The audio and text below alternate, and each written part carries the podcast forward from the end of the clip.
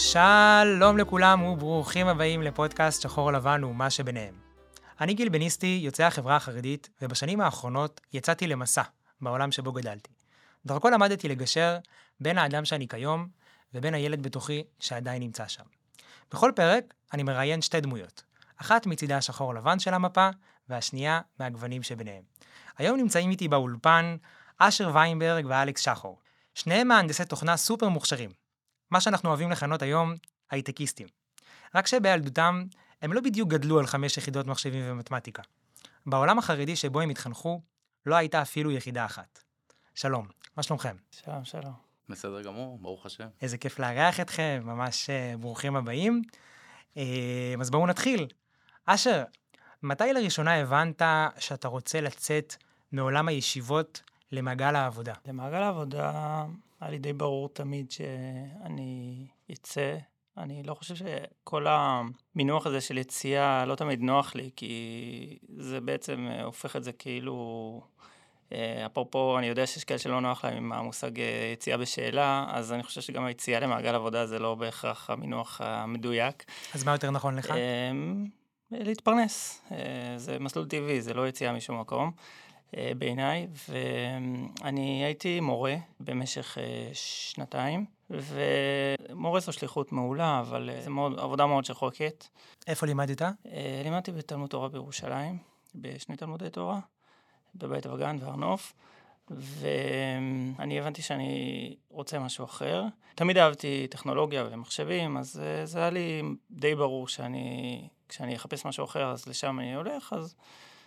אז הצלחתי, התחלתי לנסות לברר מה אני אמור לעשות בשביל, בשביל לעסוק בתחום, ואז אמרו לי, אתה רוצה תואר? אז רגע, יש לך דרך ארוכה, אז אמ, איכשהו בהתחלה גם אה, שילבתי בין הלימודים כמורה לבין המכינה הקדם אקדמית, שזה בעצם ה... אה, מה שהייתי צריך לעשות כדי אה, לגשר על הפער של בגרויות שלא עשיתי בשנותיי בגיל תיכון.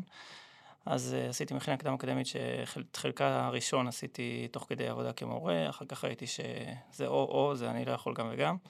אז עזבתי, וזהו, והתמסרתי ללימודים, והתחלתי מסע של אה, ארבע שנים של לימודים, שבעצם תחילתו בהשלמת פערים, וסופו בתואר אקדמי. וואו, מרתק. איפה, איפה למדת? ב, ב, בילדותך? מה, מה הרקע? אני אה, למדתי בחסידות, חסידות שגיאוגרפית אה, נמצאת במאה שערים. בפועל, כשמדברים על מאה שערים, מדברים על אה, אה, קיצונים קנאים, אה, הם פחות. באיזו חסידות? חסידות סלונים. אוקיי. אז אה, למדתי שם בתלמוד תורה, ולמדתי שם בישיבה קטנה, ולמדתי שם בישיבה גדולה, ישיבה קטנה זה המקביל לתיכון, ישיבה גדולה זה המקביל לאולי צבא. וזהו, אחרי זה... אה, התחתנתי עם אשתי ילידת לונדון, גרנו שם כמה שנים. בשנים שגרתי בלונדון למדתי בכולל, ואז אשתי עשתה עלייה, אני חזרתי לארץ, ותקופה קצרה אחרי התחלתי לעבוד באמת כמורה, ואז שיניתי כיוון. וואו, חתיכת תהליך. אלכס, אצלך הסיפור הוא קצת שונה. אתה עזבת את העולם החרדי, או יותר נכון, יצאת ממנו, למרות שאנחנו פחות פה בעניינים של יציאות, בתקופת הצבא, וסוג של אה, התאהבת בעולם התוכנה. ספר לנו איך זה קרה. אה, אוקיי, אז אה, אני ילד שכונת הר נוף, בן 29. פחות או יותר בגיל 18, אני חושב, הבנתי שאני רוצה לעשות משהו קצת שונה. זאת אומרת, כשלמדתי בישיבה, אז באמת השתדלתי ללמוד בצורה הכי טובה שאפשר.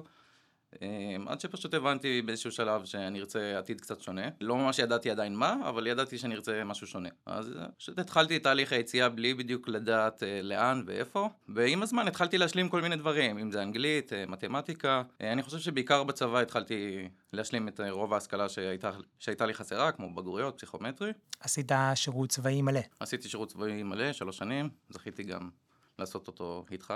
נכון, למאזינים אה, שלנו, אני ואלכס אה, שירתנו ביחד אה, שלוש שנים, תקופה נפלאה בהחלט, ואלכס ממשיך את דרכו בעולם המחשבים והתכנות. אני פרשתי, שונה ופירש וכולי, והנה דרכנו, איך אומרים, מתאחדות שוב. לגמרי. אני חושב שבאמת כשהכרנו, זו הייתה אחת התחנות הראשונות שלי.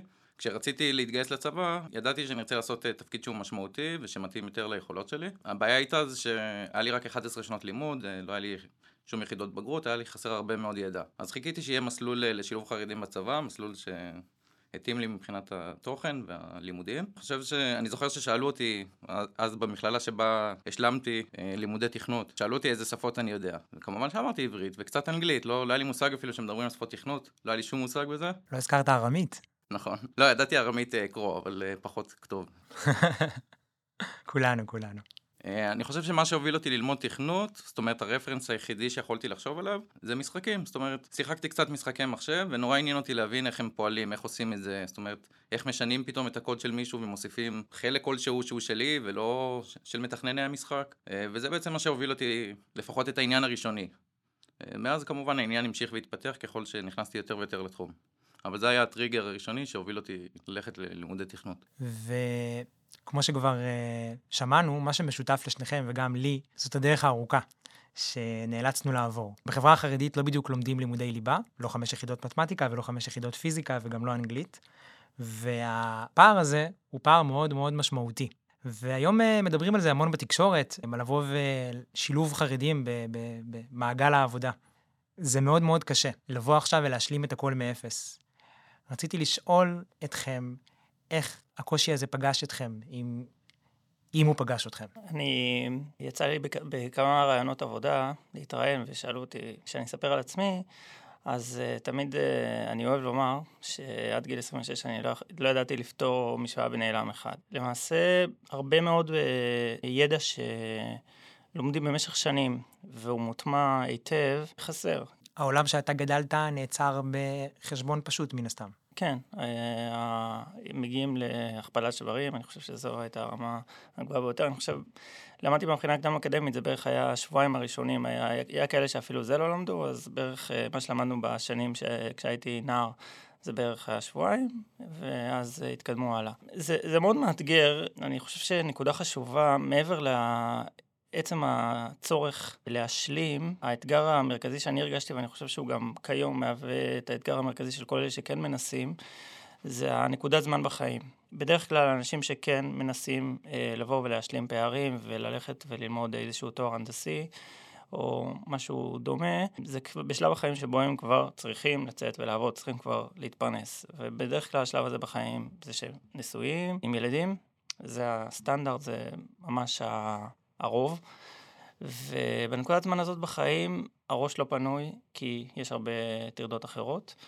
ובנוסף, אה, יש גם אה, לחץ כלכלי גדול מאוד, הרבה הרבה יותר מאשר אה, לרווקים.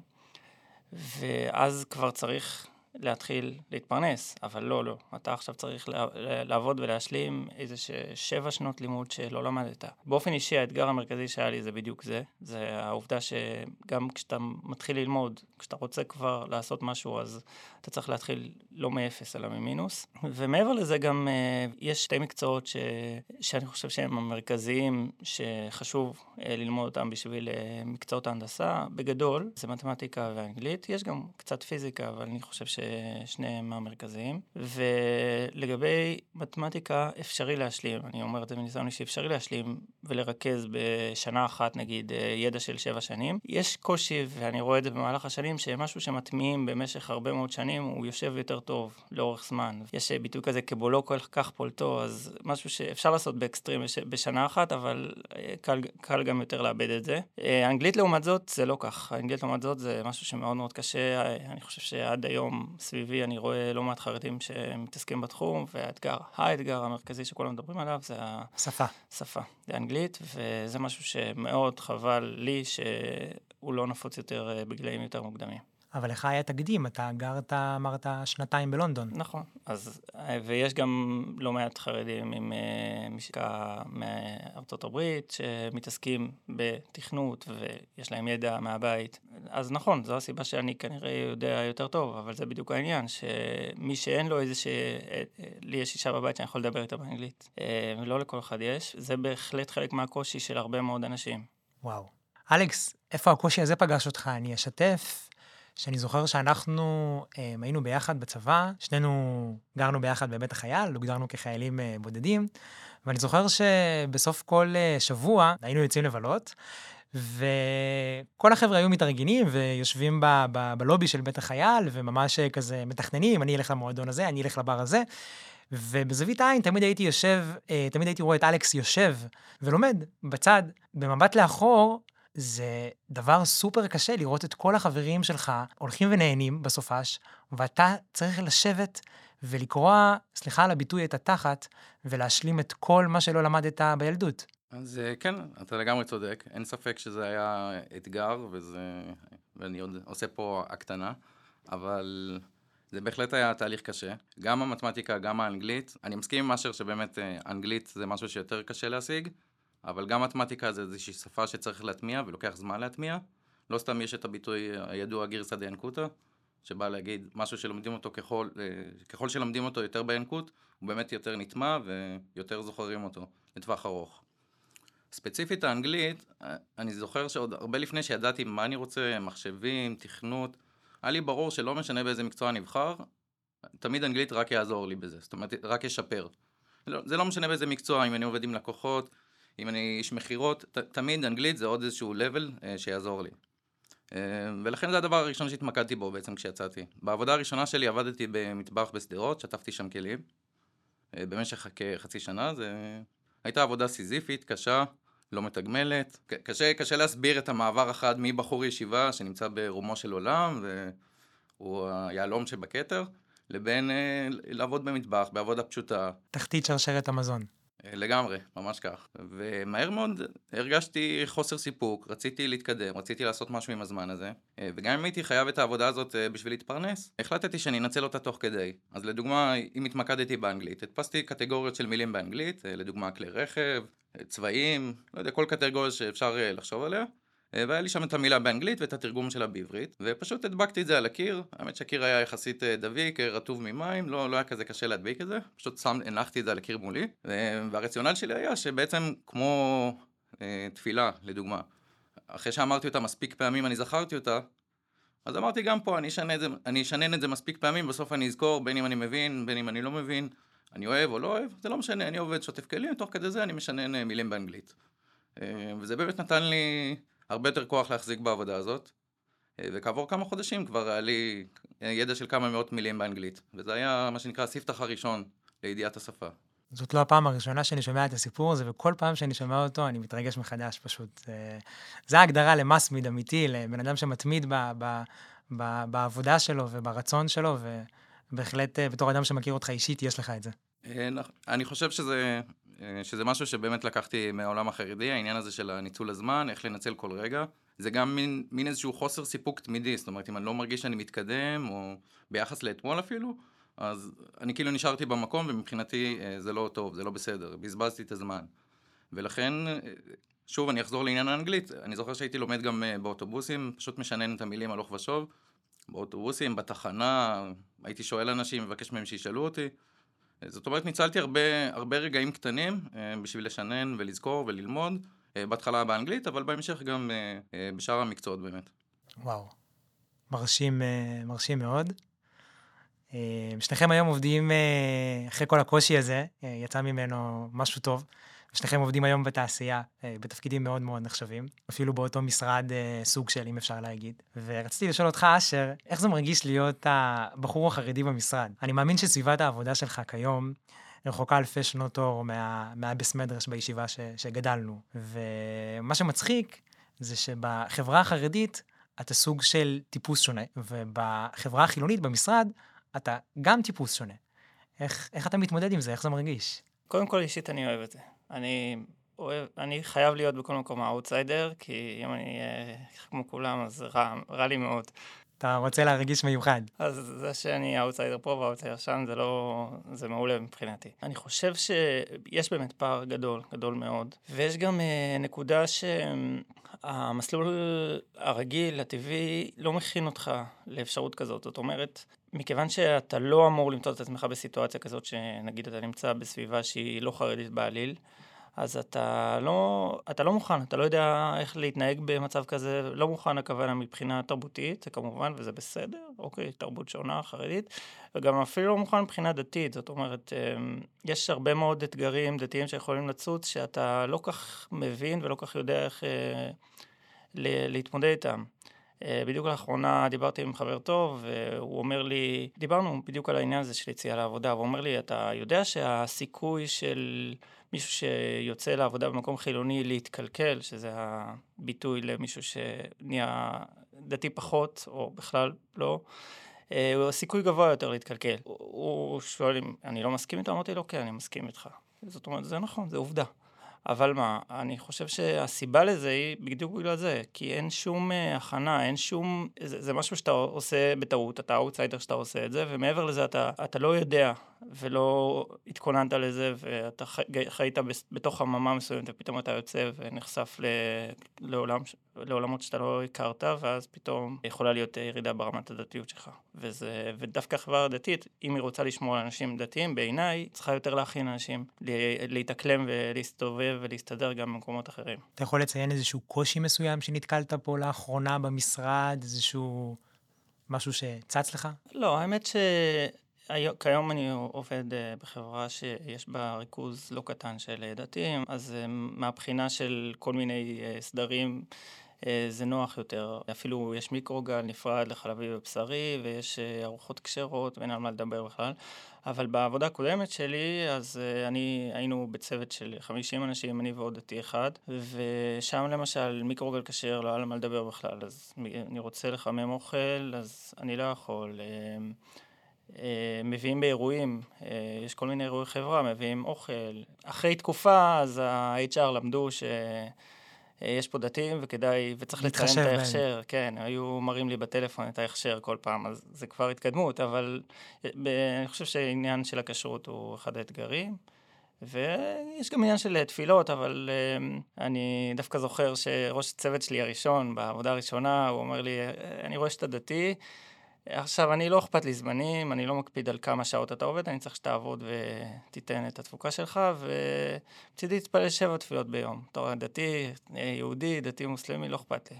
וואה, שבע תפילות ביום, זה אפילו מוסלמי מן המניין לא, לא מתפלל כזה הרבה פעמים, אבל uh, יפה, יפה. אז מה שאני מבין ממך זה שצריכה להיות הכנה מוקדמת גם בחברה החרדית לאלה שבעצם, uh, אני אומר במרכאות, יוצאים למעגל העבודה, וגם הכלה והכנה מוקדמת לאותם ארגונים וחברות, um, לבוא ולהכיל לתוכם את ה... חבר'ה החרדים, סלש דתיים, שמגיעים uh, לבוא ולעבוד עם כל המערך הזה. זה בהחלט נקודה מאוד מאוד חשובה. כולנו פה למדנו גמרא המון שנים מהחיים שלנו, וכולנו מכירים את הגמרא המפורסמת במסכת קידושין, שחייב אדם ללמד בנו אמנות. היא אומרת עוד כמה דברים, אבל זה בעיקרון הדבר uh, העיקרי.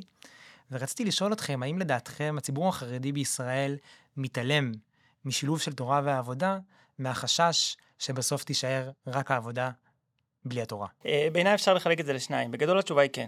זאת אומרת, אה, יש חשש שעבודה תהיה על חשבון התורה ולא לא ניתן יהיה לשלב ביניהם. אה, יש גם הבדלי גוונים בתוך השחור ולבן, בתוך החרדים יש, יש גם כאלה שאידיאולוגית יעדיפו שכמה שפחות אנשים יעבדו, בלי קשר להאם זה על חשבון התורה או לא על חשבון התורה, כי צריך ללמוד תורה כל היום ופשוט לא לעבוד. ויש רבים אחרים שאין להם בעיה עם עצם העניין של לצאת ולהתפרנס, או לא לצאת, פשוט להתפרנס ולעבוד. אבל uh, יש חשש גדול, כמו שאמרת, מהעניין שזה יהיה ממש על חשבון התורה, כלומר על חשבון הרמה הדתית, שיציאה לעבודה בהכרח תגרור ירידה ברמה הרוחנית, ואני חושב שזה באמת החשש היותר מרכזי ואיזשהו קונצנזוס uh, בחברה החרדית. אלכס, מה אתה חושב?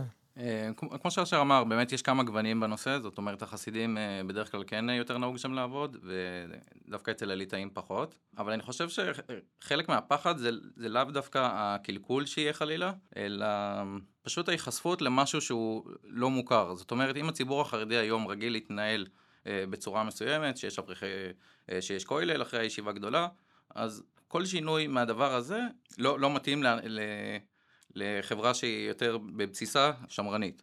זאת אומרת, מפחדים משינויים.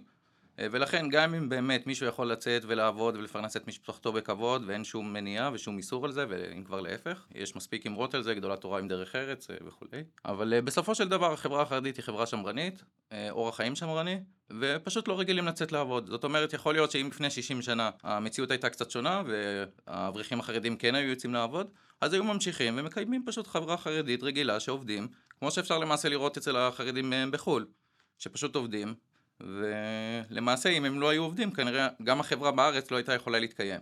כי בלי התמיכה ומימון, תרומות של היהודים שעובדים בחו"ל, גם החברה בארץ לא הייתה יכולה להתקיים. אני מסכים עם הדברים שלכם, ובהחלט הייתי רוצה לראות uh, שינוי uh, גדול יותר בהכלה של החברה החרדית לחבר'ה שיוצאים ומתפרנסים, שוב, אנחנו חוזרים למילה יוצאים, שמתפרנסים ומשלבים את התורה ואת העבודה ביחד.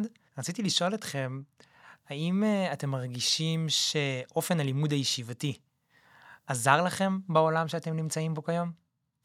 אז אה, יש אה, שני אופני לימוד עיקריים בחברה החרדית, יש את העניין של העיון, שבו מעמיקים בנושא מסוים, יש את העניין של הבקיאות, שבו מרפרפים במהירות יחסית על מגוון נושאים. החלוקה הזאת זה כן משהו שניסיתי ליישם גם בלימודים, אם זה באוניברסיטה או במקומות אחרים, זאת אומרת נושאים שבאמת אולי יותר מעניינים אותי, גם אם לא בהכרח במבחן אז אני כן יותר אעמיק בהם, ולעומת זאת נושאים אחרים אני אעבור מהר רק בשביל לדעת שהם קיימים, כדי שבשעת הצורך אני ידע להסתכל ולחפש כשאני אצטרך. אבל גם כפי שאמרתי מקודם, בלי קשר לאופן הלימוד עצמו, אני חושב שהרבה ערכים שקשורים ללימוד, אם זה עניין של ניצול הזמן, אם זה עניין של uh, ללמוד בכל מקום, לפעמים אפילו במקלחת הייתי יכול uh, לשחזר שיעורים מאוניברסיטה, או אחד הדברים שמאוד אהבתי לעשות לפני מבחנים, זה פשוט לעשות הליכה ארוכה ארוכה, לפחות שעה, שעה וחצי, ותוך כדי זה לעשות חזרה על כל החומר, לפחות מה שאני זוכר, ולשנן אותו הלוך ושוב. וכשאני הגעתי לרמה כזאת, בדרך כלל הייתי יודע שאני מוכן מספיק למבחן. וזה מושגים שאני בספק אם חילוני ממוצע מכיר או חושב עליהם בכלל, כי אין, אין מושג כזה לחשוב בלימוד, זאת אומרת, בדרך לאוטובוס, כשמחכים לאיזה משהו. ואני מבחינתי, זה היה לגיטימי לחלוטין, למה לא? זאת אומרת, יש לי לימודים, יש לי זמן. אז מה זה משנה שאני לא יושב עכשיו מול ספר? ולפעמים, האמת זה היה לי אפילו יותר קל ללמוד בצורה כזאת פתוחה ולא מחייבת, נגיד לנסוע ממקום למקום, ולקבוע לעצמי שתוך כדי הנסיעה אני מספיק אה, לעבור על איזושהי הרצאה או לעבור על איזשהו סיכום. ותוך כדי זה אני גם נהנה מהדרך. כך שזה רק העצים לי את חוויית הלימוד ולא הפריע לה. ממש uh, מתמיד, כמו שאמרנו מקודם. אני יכול לשתף שאני, אמנם לא הגעתי לעולם האקדמי, אולי בעתיד, מי יודע, אבל כן uh, יצא לי להשלים פערים, פערים לימודיים. ויצא לי להשלים בגרויות אחרי הצבא, בגרויות בפסיכומטרי, וישבתי במכללת לוינסקי, ואחרי שכל התלמידים היו הולכים לבית, זה היה כזה מסתיים בשלוש, הייתי יושב וממשיך ללמוד עד שמונה, תשע בערב, עשר בערב, והיו עוברים שם אנשים והיו אומרים לי, גיל, איך אתה עושה את זה? כאילו, איך, לא, אין לך קוצים? מה, לך הבית. הייתי מסביר להם שבישיבה הייתי לומד הרבה יותר, כאילו, הייתי יושב שעות על גבי שעות, לפעמים גם uh, לילות שלמים. והמושג הזה של, ה, של ההתמדה, הוא, הוא עדיין חקוק בי עד היום, גם כשאני לא לומד משהו ספציפי, אלא מתכונן לאיזו הרצאה או לאיזשהו נושא מסוים, אז אני יכול לבוא ו- ולהתמקד במשהו, למרות ההפרעות קשב והריכוז שהדור שלנו, אה, איך אומרים, אה, מתאפיין בו, עדיין הדבר הזה נשאר בי מהישיבה, ועל זה אני מוקיר תודה. זאת אומרת, גם היום שאני לא חרדי ולא דתי ודי רחוק משם, אני מוקיר על זה תודה על, ה, על העולם שבו גדלתי. אשר, מה, מה אתה חושב על זה?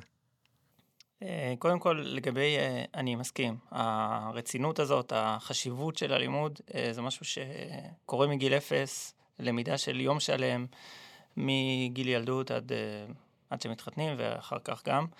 וזה מאוד מאוד, עצם החשיבות של הלימוד מאוד מקלה על ההמשך כשמישהו רוצה ללמוד גם דברים אחרים. כמובן, אגב, גם בסוגריים זה לא מתאים לכל אחד, גם בחברה החרדית, יש רבים מאוד שלא מסתדרים עם הלמידה יום שלם.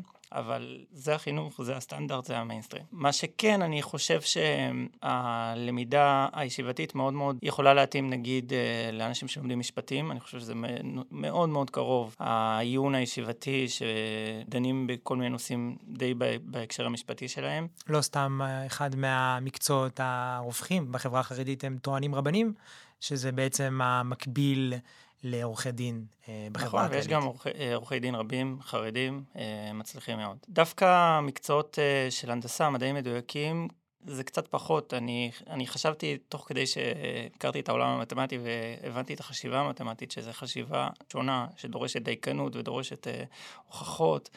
חשבתי שחבל שאני, כשלמדתי גמרא, לא ידעתי, לא הכרתי את העולם הזה, כי אני חשבתי, הייתי לומד גמרא בצורה הרבה יותר מדויקת, הרבה יותר טובה, וזה מה שאני גם עושה היום, אבל אני חושב שלהפך, זה יכול לעזור.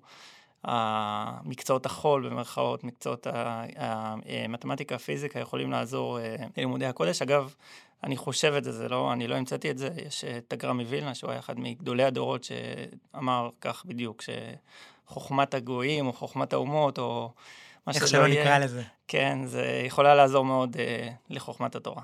וואו, מרתק. כן, אני, אני לגמרי מסכים עם אשר, אני חושב שאחת החוויות uh, שהיה לי באוניברסיטה זה באמת כשהתחלתי להבין יותר את עולם המתמטיקה, ומצאתי הרבה הקשרים בין המתמטיקה לבין הגמרא, ובאמת uh, הצטערתי שכשלמדתי את הגמרא לא, לא ידעתי יותר מתמטיקה, כי זה, זה היכולת לנתח את הגמרא בעוד איזשהו, בעוד איזשהו level שלא היה לי קיים uh, קודם, וזה כן, זה, זה באמת חבל. חבל על מי שמת, אני אוהב להגיד. תמיד אפשר uh, לבוא ולעשות את זה עכשיו. מן הסתם, אשר אתה עדיין קובע עיתים לתורה, אתה לומד כל יום, אפשר להגיד. כן, משתדל ללמוד דף היומי, ונכון, זה, זה קצת שונה, כי היום הקביעת עיתים לתורה זה יחסית ללימוד הרציני שלמדתי בישיבה או בכולל, זה פחות שעות, פחות אה, משאבים שאני יכול אחרי יום עבודה שלם אה, להשקיע בזה, אז אה, אני פחות נינוח ופחות אה, לומד, אה, לא, לא בתצורה שבה למדתי בעבר, ולכן אני אומר שחבל, כי אני לא לומד היום אה, הרבה כמו בעבר, ולו היו לי את הכלים אז זה היה יותר טוב, אבל נכון, זה בהחלט אה, נותן...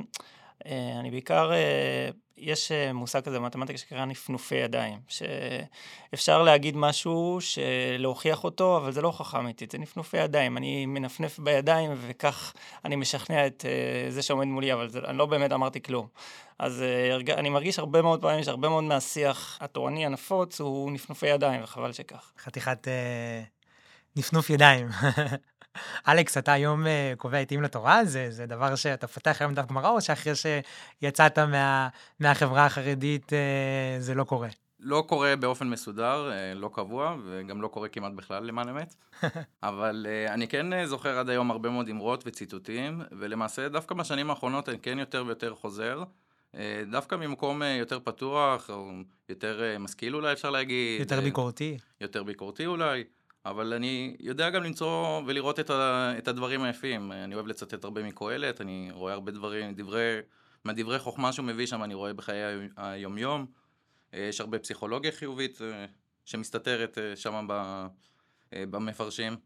וזה משהו שהוא לא, זאת אומרת, הוא לא מספיק מונגש, כי באמת יש איזשהו נתק בין העולם התורני, שזה כביכול שייך לעולם החרדי, זאת אומרת, כל העניין של הלימוד התורה, העולם החרדי או גם הדתי, והעולם החילוני, זאת אומרת, לא מתעסק עם זה, כי זה משהו ששייך ליהודים דתיים. בדיוק, אם אתה מתעסק בזה, סימן שאתה איזשהו חוקר תלמוד כזה או אחר.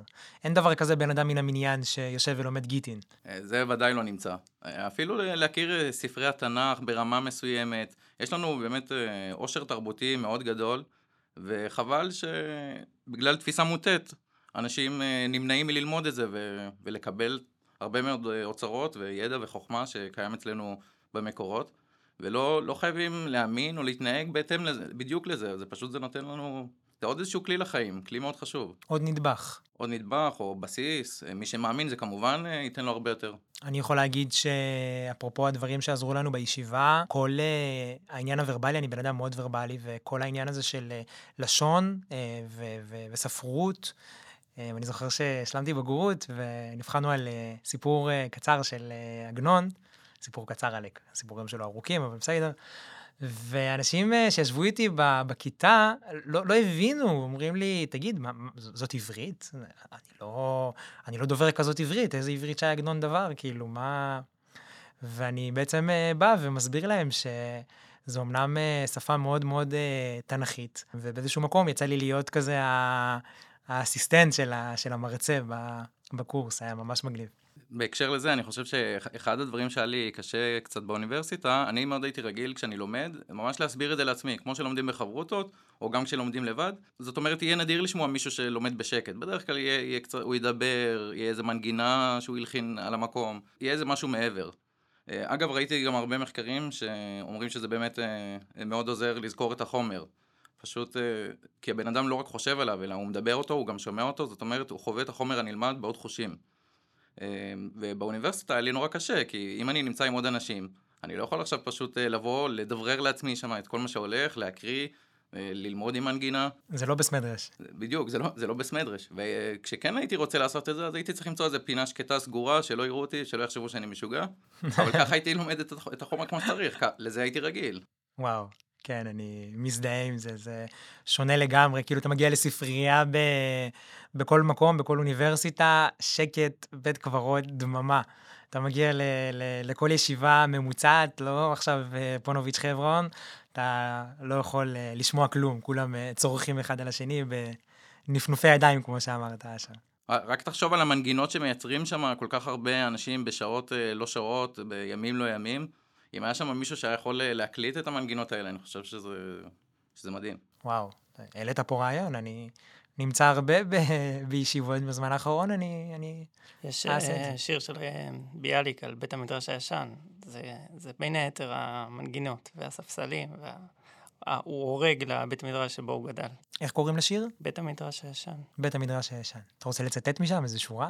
אני מכיר uh, גרסה שהיא קצת uh, עשו שינויים בה, אבל uh, בגדול מה שהוא אומר, אם יש את נפשך לדעת סוד נצחיותו של העם היהודי, ואני לגמרי משנה את המילים, סור על בית המדרש הישן, שם בין הספסלים, מול ארון ספרים, תקש... תקשיב לניגון שעולה מתלמודם, ותבין. וואו.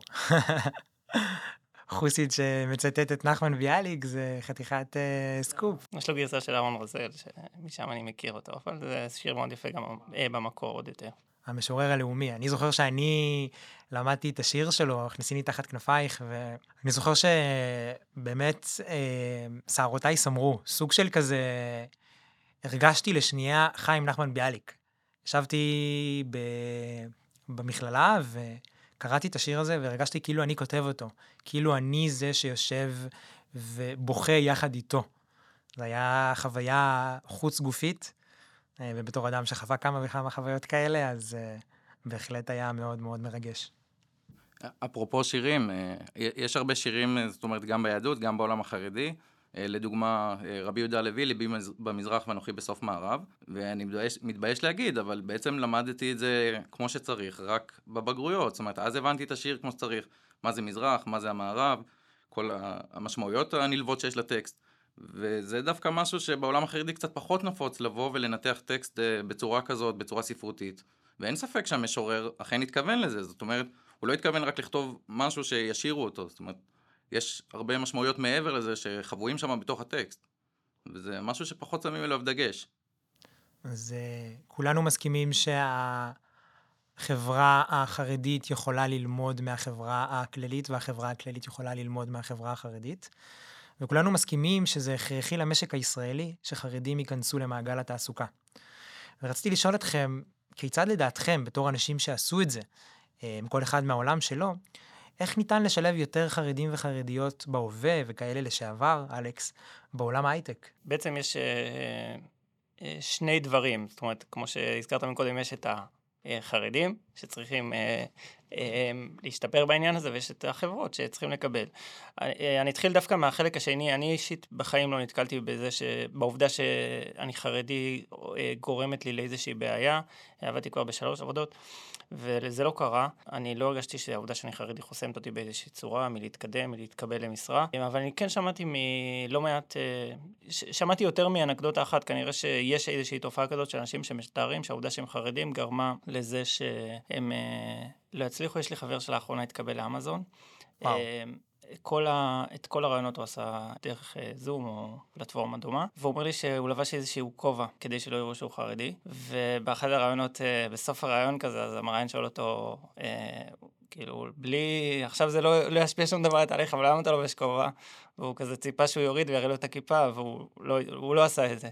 אה, הוא ממש אה, חשש שזה ישפיע על ההחלטה אם אה, לקבל אותו או לא. אז, אז קודם כל מהבחינה הזאת, אני חושב, אני לא חושב שצריך אפליה מתקנת בשום צורה, אבל כן בהחלט צריך להגיע למצב שבו בוחנים אדם מבחינה מקצועית, האם הוא טוב, האם הוא יכול לתרום למקום, האם הוא יכול לבצע את מה ש... דורשים ממנו, והעובדה שהוא חרדי לא צריכה לא לעלות ולא להוריד. אמ, זה, מה, זה מהבחינה הזאת, ויש הרבה, רבים מאוד שזה בסדר, וככה כנראה שיש כאלה שגם לא, שצריכים אה, להשתפר בעניין הזה. מבחינת החברה החרדית, אז אה, זה, זה שני דברים. קודם כל, אה, צריכים יותר בגיל צעיר כנראה לשפר את עניין האנגלית, ויש שיח סביב זה בתקופה האחרונה, אנשים יותר ויותר מבינים את החשיבות של השפה האנגלית, ומבינים שאם רוצים לדעת אנגלית, אז כנראה שצריך בגילאים יותר מוקדמים, ולא, וזה לא משהו שאפשר אחר כך להשלים בצורה מהירה. אני חושב שכבר כיום, יותר ויותר החברה החרדית אה, מקבלת אה, אנשים שיצאו נגיד לעבוד אה, בהייטק. זה לא כל כך חריג, זה לא כל כך... זה לא מרים גבות? אתה לצורך העניין היום גר בביתר עילית. זה מרים גבות כי זה לא מקובל, זה לא מרים גבות כי זה לא בסדר. יש, יש לי חבר, דיברנו על ליטאים, אז כן, יש לי חבר שאני יודע שהוא סיים בהצטיינות ועובד בהצלחה, ועד כמה שידעו לו עד סוף הלימודים, וגם תחילת העבודה חמיב לא ידע מזה בכלל, כי הוא הסתיר את זה ממנו, אז כן יש כאלה שממש מתביישים בזה. יש כאלה שמשלמים על זה מחירים עד היום. לצורך העניין, אה, אני שמעתי על סיפורים שאנשים, ברגע שהאיש, האישה לרוב תמיד עובדת, אבל ברגע שהאיש יצא למעגל התעסוקה, הם יכולים להעיף את הילד מה, מה, מהתלמוד תורה על זה. זאת אומרת, האבא שלך הוא בעל בית, הוא לא איש, איש תורה, ואנחנו לא רוצים uh, לקבל uh, ילדים כאלה לבית ספר שלנו. אני חושב, בפן האישי, שהחברה החרדית צריכה ללמוד ולהכיל את זה, כי אחרת יהיה מאוד קשה לאנשים לעשות את זה כשהם יודעים שהם צריכים לוותר על דברים מסוימים, כמו החינוך של הילד שלהם. אה, כן, יש איזה ביטוי כזה ששמעתי פעם מישהו שאומר שבסביבה שלו, אז אל תצא לעבוד, אבל אם אתה הולך לעבוד, תהיה עורך דין או שתעבוד בהייטק. אמ, אז זאת אומרת, אה, ספציפית הייטק, אה, דווקא בחוויה אישית שלי ודאי שלא הרגשתי שזה מפריע לי, בוודאי לא ברמה של אה, הרחקת הילדים מהמוסדות. יש, יש מקרים כאלה, אבל אני חושב שגם בחברה הליטאית שבה זה אולי לא בסדר, זה גם, זה מקרים שוליים יחסית. אני גר בביתר עילית, ויש שם קהילה אה, ליטאית גדולה, ואני לא חושב שיש מצב שיריקו ילד מהמוסדות על רקע זה שאבא שלו עובד בכלל, או עובד בהייטק. באופן כללי, יש את העניין של זה לא מספיק אה, נחשב, או, או יותר מזה, זה לא המסלול הטבעי. יש בן אדם, אה, מסלול טבעי, אה, מסלול חיים טבעי שמוכן לו, אם בארצות הברית כל אחד חייב לעשות תואר בקולג', אז אצל חרדים זה בדיוק להפך, מי שכן הולך לעשות צריך להתאמץ מאוד קשה ו... צריך לשבור תקרת זכוכית בשביל זה. צריך לשבור תקרת זכוכית. זה אני חושב עיקר השינוי שצריך לעשות, שזה יהיה, שהמסלול הטבעי יאפשר גם את זה. הבנתי, אני מסכים איתך. אלכס? אז אה, בנושא הזה, דבר ראשון, אשר פה הזכיר רופא ועורך דין, אז יש איזשהו פרדוקס מובנה שבו אם מישהו ילך ללמוד אה, משפטים או רפואה, זה כן יהיה, אה, בטח רפואה, זה, זה משהו שיהיה חריג בהתחלה. אבל אחרי, ואולי אפילו יעשו לו בעיות בסביבה, תלוי באיזה קהילה הוא נמצא.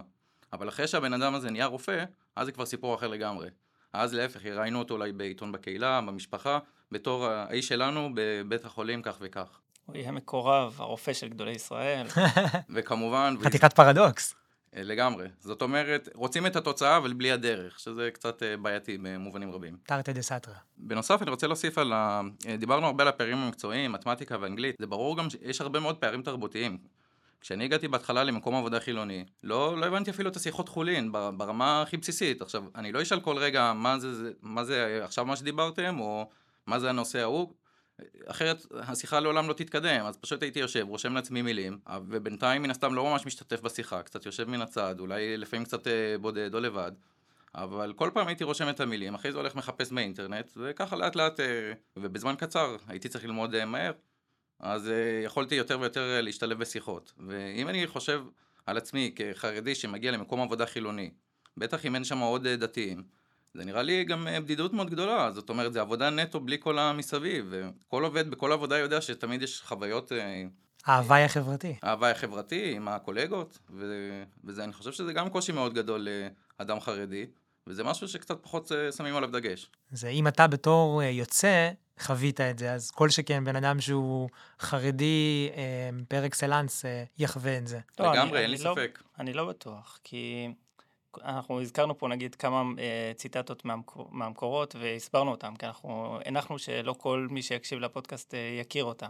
אני חושב שדווקא בן אדם שמגיע בחזות חרדית, קודם כל הוא לא מתבייש לשאול דברים, כי זה ברור שהוא גדל בסביבה שונה והוא שונה ולכן מותר לו לא להכיר, וגם הרבה מאוד פעמים אנשים מסבירים לבד. אנשים יספרו לי על איזו סדרה שהם ראו ואז יסבירו על מה, מה זה הסדרה הזאת. זה בסדר, כי הם מבינים שאני לא ראיתי אותה, וזה הכל בסדר, כי אני בסביבה שונה. אבל נכון שהעניין של ההוואי חברתי מאוד חשוב, ובסופו של דבר אני... אני לא ייהנה מלשבת אה, ולשוחח עם אנשים כל, אה, שיחה שלמה על סדרות שונות, כי אני פשוט לא מכיר את העולם הזה. זה לא הכוס תה שלך. אגב, אני יכול להגיד שעד היום, אה, גם באוניברסיטה, החברים הראשונים שאליהם התחברתי זה זה חברים מרקע דתי, שהם מבינים את העולם שלי מאיפה שהגעתי, אפילו את ההומור החצי דתי שלי, או את הפסוקים שאני זורק מדי פעם, וזה כן משהו שיותר קשה לי עם חילונים, זאת אומרת, אני הרבה פעמים צריך להתאים את עצמי כשאני מדבר עם חילונים, אה, לא לזרוק איזשהו פסוק, או, או אם אני זורק אז להסביר, ולא... זה לא יהיה פשוט תזרום בשיחה, כאילו, וישר יבינו את הרפרנס שזרקתי. דומה מושך דומה. זה...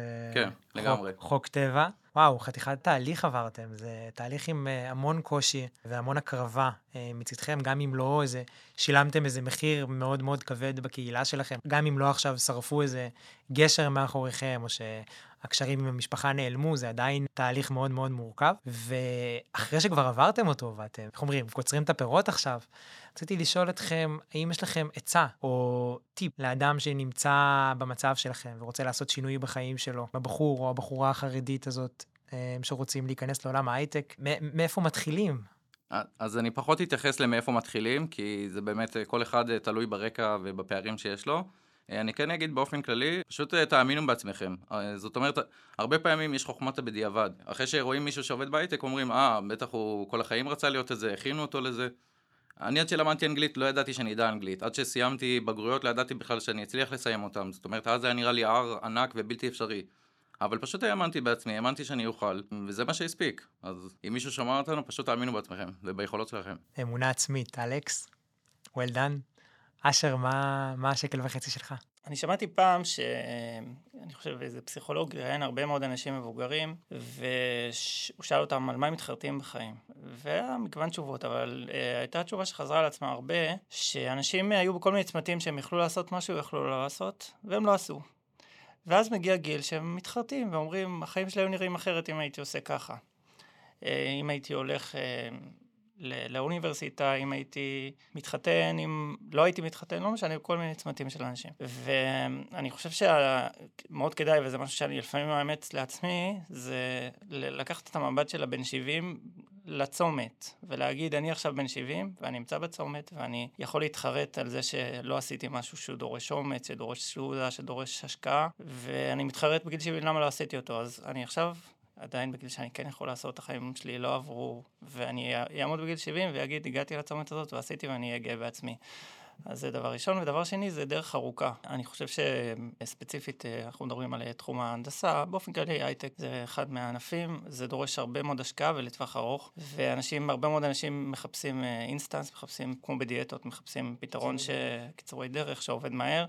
אז אני חושב שכדאי מאוד אה, לעשות אה, כל מיני uh, הישגי ביניים, כדי לא להגיד שההישג יהיה רק בעוד כך וכך שנים, אבל כדאי מאוד לעבוד קשה, למרות שההישג יהיה רק בעוד כמה שנים, אין רגע שתתחרטו על זה. בהקשר למה שאשר אמר, אני רק אוסיף באמת. שמעתי פעם משפט מאוד חכם, שמאוד תפס אותי, שאומר שאם אני אוותר לעצמי, אני אגיד את זה בלשון נוכח, אם אני אוותר לעצמי, אני לעולם לא אדע למה אני מסוגל. וכשאני מסתכל אחורה, בטח אם אני אסתכל קדימה בפרספקטיבה היפה מאוד שאשר הביא פה, אז אם הייתי מוותר לעצמי בהרבה צמתים, לא הייתי יודע שאני מסוגל לדברים שכן השגתי. ויכול להיות שגם פספסתי דברים באורך הדרך, אבל עדיין, אה, זה משהו שמנחה אותי כל הזמן. זאת אומרת, כשאני בוחר אה, בחירה מסוימת, או כשאני רוצה לוותר לעצמי, אני לא אדע מה פספסתי, או לאיזה צומת הבאה זה היה מוביל אותי, ואני לעולם לא אדע. ממש אה, עצות ששוות זהב. אז לסיכום, אמנם חכמים אמרו אם אין קמח אין תורה, ואם אין תורה אין קמח, אבל בפרק הזה נוכחנו לדעת שאחד יכול להתקיים בלי השני, בדיוק כמו ששניהם יכולים להתקיים יחד. וזה לא באמת משנה במה נבחר, העיקר שנהיה שלמים עם הבחירות שלנו. זהו זה להיום חברים, אני רוצה להודות למרואיינים, אלכס ואשר, שחלקו איתנו את הסיפור הכל כך מרגש שלהם, ולמאזינים והמאזינות שהקשיבו לו. תודה ענקית לאולפן בית אריאלה ולנתנאל רוזנטל, העורך הראשי. אני הייתי גיל בניסטי, ניפגש בפרק הבא.